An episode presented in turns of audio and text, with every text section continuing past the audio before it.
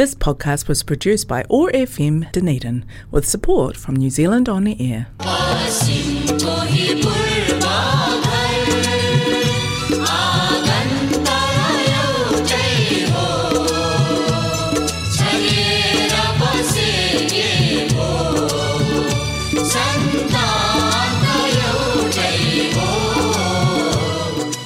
Now my hare.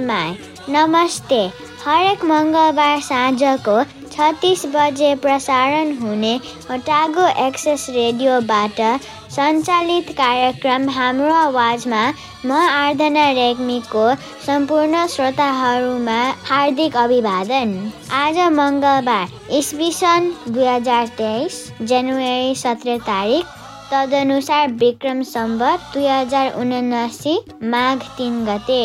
डनिडियन Nepali समाजको प्रस्तुति रहेको कार्यक्रम हाम्रो आवाजलाई प्रायोजन गरेको छ कनेक्टिङ कल्चर एथनिक कम्युनिटिजले कार्यक्रम हाम्रो आवाज ओटागो एक्सेस रेडियो एक सय पाँच थोप्लो चार मेगा हर्जमा हरेक मङ्गलबार न्युजिल्यान्डको समय अनुसार साँझ छत्तिस बजेदेखि सात बजेसम्म सुन्न सक्नुहुनेछ भने पोडकास्ट तथा आइट्युन्सबाट तपाईँले चाहेको बेलामा सुन्न सक्नुहुनेछ। कार्यक्रम हाम्रो आवाजमा तपाईँले आज सुन्नुहुनेछ। गोपाल पौडेलले लेख्नु भएको बाल उपन्यास वाचनको अर्को श्रृङ्खला।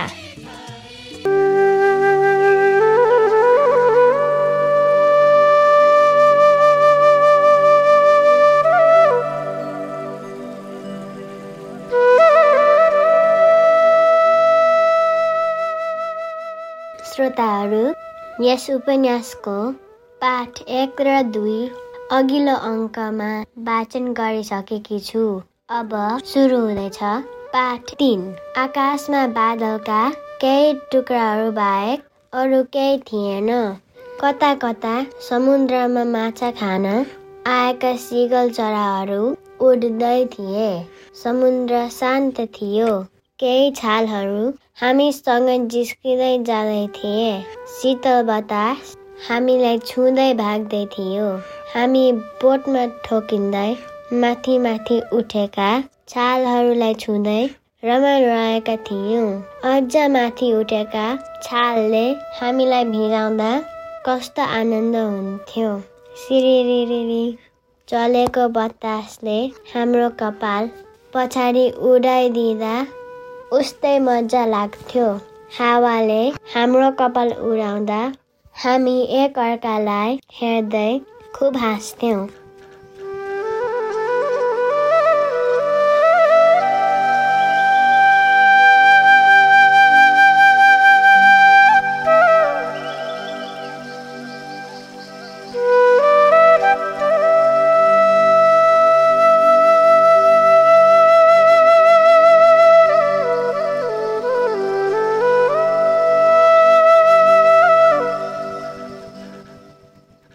फक्सटन तट छोडेर हाम्रो बोट धेरै पर पुगिसकेको थियो। फक्सटन तटमा उभिएका मानिसहरू अलिअलि देखिन्थे।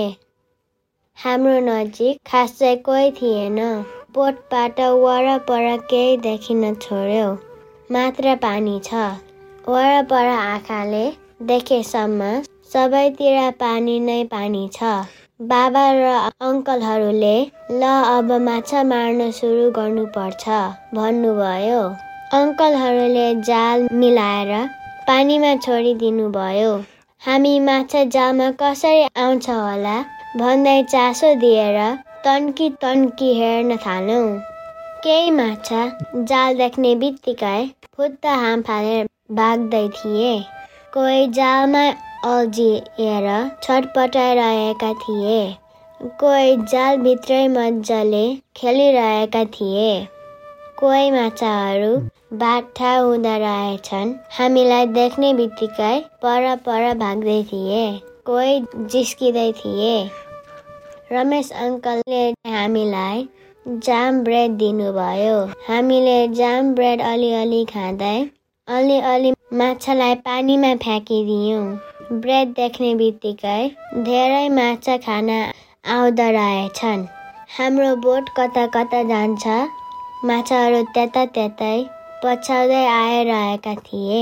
बाबाले हामीलाई यो माछाको नाम यो हो त्यो माछाको नाम ऊ हो भन्दै धेरै माछाका नामहरू चिनाइदिनु भयो हामी माछालाई पछ्याइरहेका थियौँ अनि माछाहरू हामीलाई लगभग दुई तिन घन्टा अगाडि गएपछि बाबाले अब खाना खानुपर्छ भन्नुभयो। मम्मी र आन्टीहरू भएर खाना तयार पार्नुभयो। बाबा र अङ्कलहरू मिलेर जालबाट माछाहरू झिकेर भाँडामा हाल्नुभयो। हामी केटाकेटीहरू भन्ने भाँडामा उफ्रिरहेका माछाहरू हेर्न थाल्यौँ कोही कोही माछा त भाँडाबाट उफ्रिएर भागे पनि कोही सकेनन्। मलाई भने माछाको औधी माया लाग्यो। नारायण अङ्कलले माछा भएको भाँडामा पानी लगाइदिनु भयो पानी पाएपछि माछाहरू खेल्न थाले।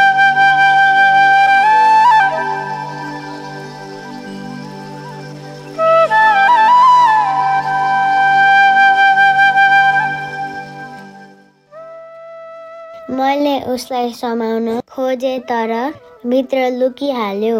उता खाना पाकिसकेछ। खाना खान आउनुहोस् है भनेर मम्मीले सबैलाई बोलाउनु भयो हाम्रो बोट ठुलो थियो सबै कुरा गर्न मिल्ने। हामी सबैजना एकैसाथ खाना खान बस्यौँ। तिमीहरूलाई यो खोर्सानी नहालेको सब्जी भन्दै मम्मीले हामीलाई आलु टमाटरको सब्जी दिनुभयो। गीता आन्टीले अलि दही पनि थपिदिनु भयो ठुला मान्छेहरूले खोर्सानी सरीको लतपते अचार सब्जी र दहीसँग खाना खानुभयो। समुद्रमाथि बसेर खाना खाएको पहिलोचोटि थियो। कस्तो मजा हुँदो रहेछ। खाना खाइसकेपछि एकछिन सबैले आराम गर्यौँ हाम्रो बोट समुद्रमाथि ढलपल ढलपल गर्दै थियो। थकाइ मारिसकेपछि बाबाले बोट बिस्तारै अगाडि बढाउनु भयो समुद्रमा जता हेऱ्यो त्यतै पानी कतै केही देखिँदैन थियो। अङ्कलहरूले फेरि जाललाई बिस्तारै पानीमा छाडिदिनु भयो अघि खाना खाएर बाँकी रहेका सबै खानेकुरा पनि माछालाई लगाइदिनु भयो माछाहरू खुसीले उफ्रँदै खानेकुरा लिँदै भाग्दै थिए। कोही वरिपरि घुम्दै थिए। कोही हामीलाई हेर्दै लुक्दै थिए। हामी पनि उनीहरूसँग लुके जस्तो गर्दै चिच्याउँदै हेर्दै रमाइलो गरिरहेका थियौँ। उनीहरू एकैछिन हराए भने खानेकुरा फुत्त पानीमा फाल्दै बोलाउँदै गर्थ्यौँ। यसो गर्दा गर्दै हाम्रो बोट वरिपरि हामीसँग खेल्दै हिँड्ने भेला भइसकेका थिए। माथि माथि उफ्रदै हामीलाई पुच्छरले पानी छाप्दै पानीभित्र लुक्दै गर्थे। माथि माथि उफ्रेका बेला हामी उनीहरूलाई समर्न खोज्थ्यौँ तर उनीहरू फुत्त पानीमा उफ्हाल्थे हामी यिनै माछाहरूसँग खेल्दै रमाउँदै धेरै पर पुगिसकेछौँ। निकै पर एउटा ठुलो कालो आकृति देखा पर्यो। त्यो के हो बाबा? भनेर मैले सोधेँ। बाबाले त्यो आज हामी बस्ने टापु हो भन्नुभयो। घाम बिस्तारै हामीबाट बिदा हुँदै थियो। हल्का चिसो बढ्न थालेको थियो। अघि हामीसँग खेल्दै हिँड्ने माछाहरू कम्ती कम्ती हुँदै जाँदै थिए। एक दुईवटा माछाहरू मात्र हामीलाई पछ्याउँदै थिए। कति माछाहरू हाम्रो जालमा अल्झिएका थिए। अघि जालमा समाएर भाँडामा हालेका माछाहरू पानी छत्ल्याङ छुत्लुङ गर्दै आफ्नै तालमा खेल्दै थिए। हामी केटाकेटी यो माछा मेरो यो माछा तिम्रो भन्दै भाँडामा माछा भाग लगाउँदै थियौँ। कहिले यो माछा मेरो त्यो माछा तिम्रो भन्दा भन्दै झगडा हुन्थ्यो। मम्मीहरूलाई छुट्याउनको दास्ती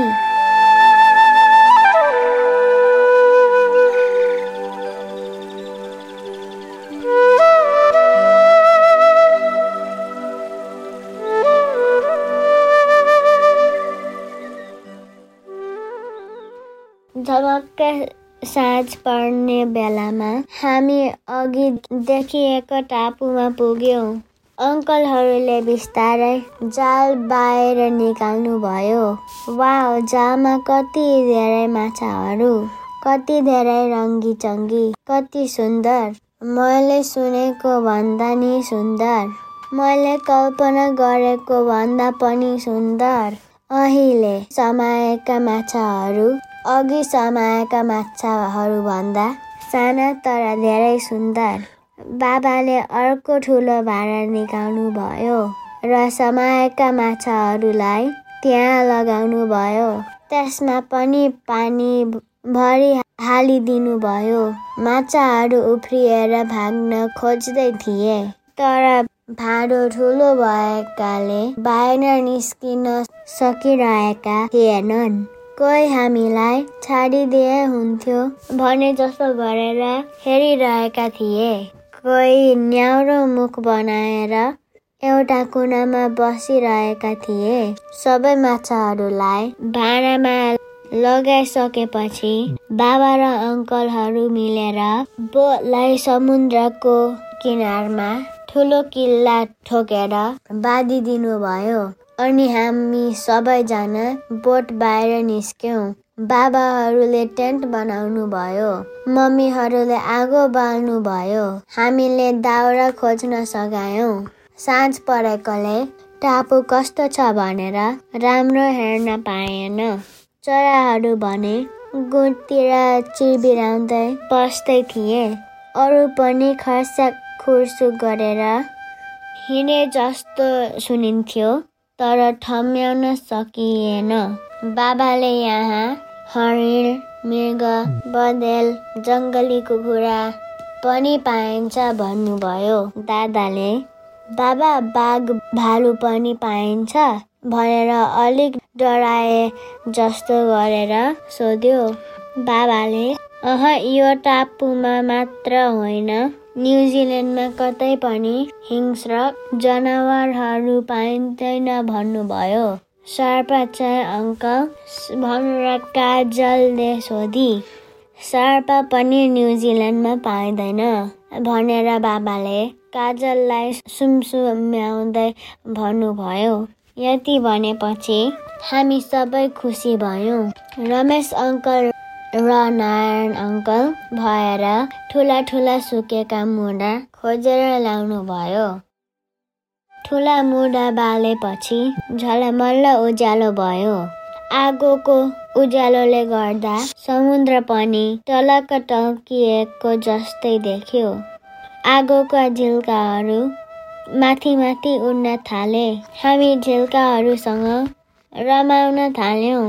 आगोले पोल्छ है भन्दै मम्मी कराउँदै हुनुहुन्थ्यो को खाने मार्समेलो भन्दै नारायण अङ्कल दुई प्याकेट मार्समेलो लिएर आउनुभयो म खाने म खाने भन्दै हामी सबै दौडियौँ बिस्तारै आउलरिन्छ है भन्दै अङ्कलले सबैजनालाई मार्समेलो दिनुभयो हामी खुसीले उफ्रिँदै मार्समेलो लिएर आगो भएको ठाउँमा गयौँ अङ्कलले मार्समेलो लामो लामो सिङ्कामा उनिदिएकाले हामीलाई आगोमा पोलेर खान सजिलो भयो आगोको ठुलो भुङ्रो भएपछि अङ्कल आन्टी बाबा मम्मी भएर मकै आलु सिमल तरुल माछा पोल्नु भयो ल आजको डिनर यही हो है भन्दै बाबा हाँस्नु भयो हो नि भनेर सबैजना हाँसे। रमेश अङ्कलले कार्टुनबाट जुस निकालेर सबैलाई बाँड्नुभयो। हामीलाई भने अर्कै बोतलमा ल्याएको सुन्तलाको जुस दिनुभयो। दादाले म त कोको कोला पिउने भन्यो। रमेश अङ्कलले दादालाई कोको कोला दिनुभयो। दादाले कोको कोला पाउने बित्तिकै हामी पनि कोको कोला खाने भन्यो। अङ्कलले सबैजनालाई कोको कोला दिनुभयो। हामी सबैजना खुसी हुँदै चियर्स गऱ्यौँ। सबैले खाइसकेपछि हामी आफ्नो सुत्ने टेन्टमा सुत्न गयौँ।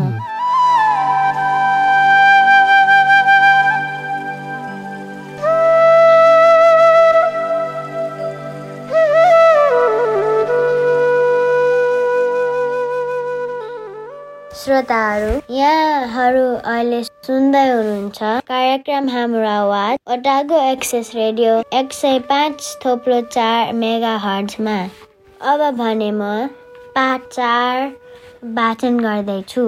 राति टेन्टमा मलाई कसैले बाहिरबाट बोलाए जस्तो लाग्यो। बाबा मम्मी र दादा निदाइरहेका थिए। टेन्टभित्र मधुरो सानो लाइट बलिरहेको थियो। बाहिर आगो अगिना भरि भरभराइरहेको थियो। आकाशमा जुन उस्तै उज्यालो प्रकाश छरेर धरतीलाई हेरिरहेको थियो। छेउमा रहेको समुद्र छछल्किँदै हामी बास बसेको टापुमा ठोकिँदै जाँदै गरेको स्पष्ट सुनिन्थ्यो। म त्यो कसले बोलाए जस्तो आवाजले निदाउन सकिरहेको थिएन। अलमल्ल परेर टेन्टको छानातिर हेरिरहेको थिएँ। मनमा एक प्रकारको डर लाग्न थालिसकेको थियो। तै पनि हिम्मत गरेर सुतिरहे। केही समय पछाडि फेरि मलाई कसैले टेन्टको झ्यालबाट रमा भनेर बोलाए जस्तो लाग्यो।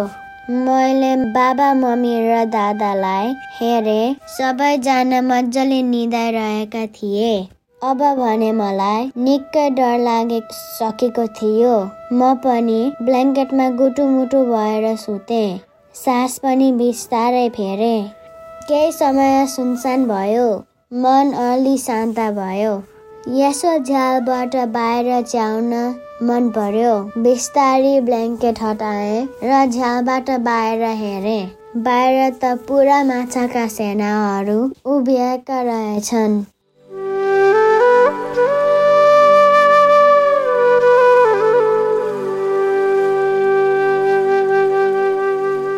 हाम्रा आर्मी पुलिसले जस्तै पोसाक लगाएका राइफल बोकेका। यो देख्दा डरभन्दा पनि मलाई त रमाइलो लाग्यो। सिरानमा लुकेर हेर्दै थिएँ। एउटाले मलाई फुत्त तानेर बाहिर निकाल्यो। डरले थर कापे। एउटाले नडराउ भन्यो अर्कोले हामीलाई सहयोग गर्यो भने तिमीलाई केही गर्दैनौ भन्यो। मैले टाउको हल्लाएर हुन्छ भने सबैभन्दा ठुलो माछाले यो बोटको चाबी कहाँ छ लिएर आऊ भन्यो। म बिस्तारै टेन्टमा पसेँ र बाबाको कोटको खल्तीबाट चाबी लिएर बाहिर आएँ। मलाई बोट खोलेर अघि माछा राखेको भाँडो देखाऊ भन्यो। मैले बिस्तारै बोट खोले र माछा राखेको भाँडो देखाइदिए। माछाहरू एकै ठाउँमा गुटुमुटु भएर बसिरहेका रहेछन्। उनीहरूले त्यो भाँडोमा राम्ररी हेरे। नामबाट बोलाए तर के नाम भने बुझिन। त्यो भाँडाबाट केही उत्तर आएन। मलाई अरू माछा कहाँ छन् भनेर सोधे। मलाई थाहा छैन भने एउटाले रिसाएर नोढाटी भन भन्यो। मैले झसँग सम्झिए। अघि दिउँसो एउटा सुन्दर रङ्गी चङ्गी परेको सानो माछालाई मैले कसैले नदेख्ने गरी सानो भाँडामा हालेर लुकाएको थिएँ। म उसँग दिनभरि खेलेको थिएँ रमाएको थिएँ र अरूले केही गरिदेला कि भनेर टेन्टभित्र मसँगै सुताएको थिएँ। ऊ साह्रै सुन्दर भएकाले मैले उसको नाम सुन्दर राखिदिएको थिएँ। मैले डराउँदै भित्र राखेको छु भने लिएर आऊ भनेर एउटाले मलाई टेन्टमा पठायो। म भित्र गएर उसलाई हेरेँ। ऊ त मस्त निदाइरहेको रहेछ। बिस्तारै बाहिर लिएर आए। सबैले हेरेर खुसी भए। ऊ अझै निदाइरहेको थियो। एउटाले मतिर हेर्यो र धन्यवाद भन्यो। उसलाई माया गरेर राखेको देखेर होला। सबैजना मसँग पनि खुसी भए। अङ्कमाल गरे हात मिलाए नाकामा नाक जोडे धन्यवाद त कति हो कति। एउटा ठुलो माछाले सुन्दरलाई भाँडाबाट निकालेर बोक भनेर आदेश दियो। आदेशको पालना गर्दै अर्को माछाले सुन्दरलाई भाँडाबाट निकाल्यो र बोक्यो। भाँडाबाट निकाल्ने बित्तिकै सुन्दर झसँग भएर बिउजियो। उसलाई बोक्ने माछाले तिमी ठिक छौ भनेर सोध्यो। ठिक छु भनेर उसले टाउको हल्लायो सुन्दरले यताउता हेरो। उसका वरिपरि धेरै माछाहरू देखेर खुसी भयो। सबैले उसलाई माया गरे। पालै पालो बोके अङ्कमाल गरे चुम्बन गरे। त्यही अघिको ठुलो माछाले त्यो ठुलो भाँडामा भएका सबै माछाहरूलाई पनि बाहिर निकाल्न आदेश दियो। एक दुईवटा त मरेछन् बिचारा एक दुईवटा बिरामी भएछन्। र अरू भने खुसीले उफ्रिँदै समुद्रमा हाम फाले।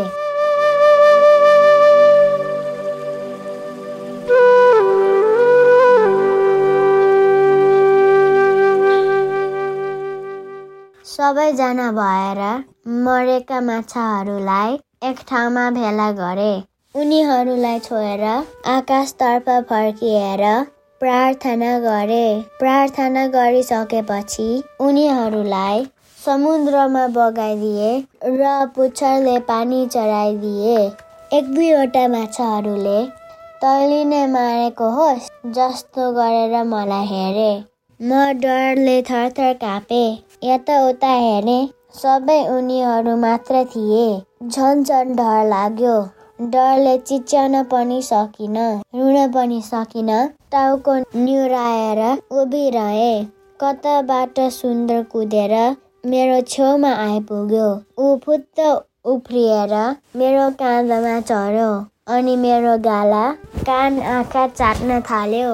मलाई भने कुतकुती लागेर मरिहाले अनि हतार हतार हातमा बोके ऊ मेरो हातका औँलाहरू टोकुला जस्तो गरेर जिस्कँदै थियो। म भने रुन्चे हाँसो भएर उभिरहे। ठुलो माछाले सबैलाई समुद्रतर्फ हिँड्न अनुरोध गर्यो। सबैजना अगाडि लागे।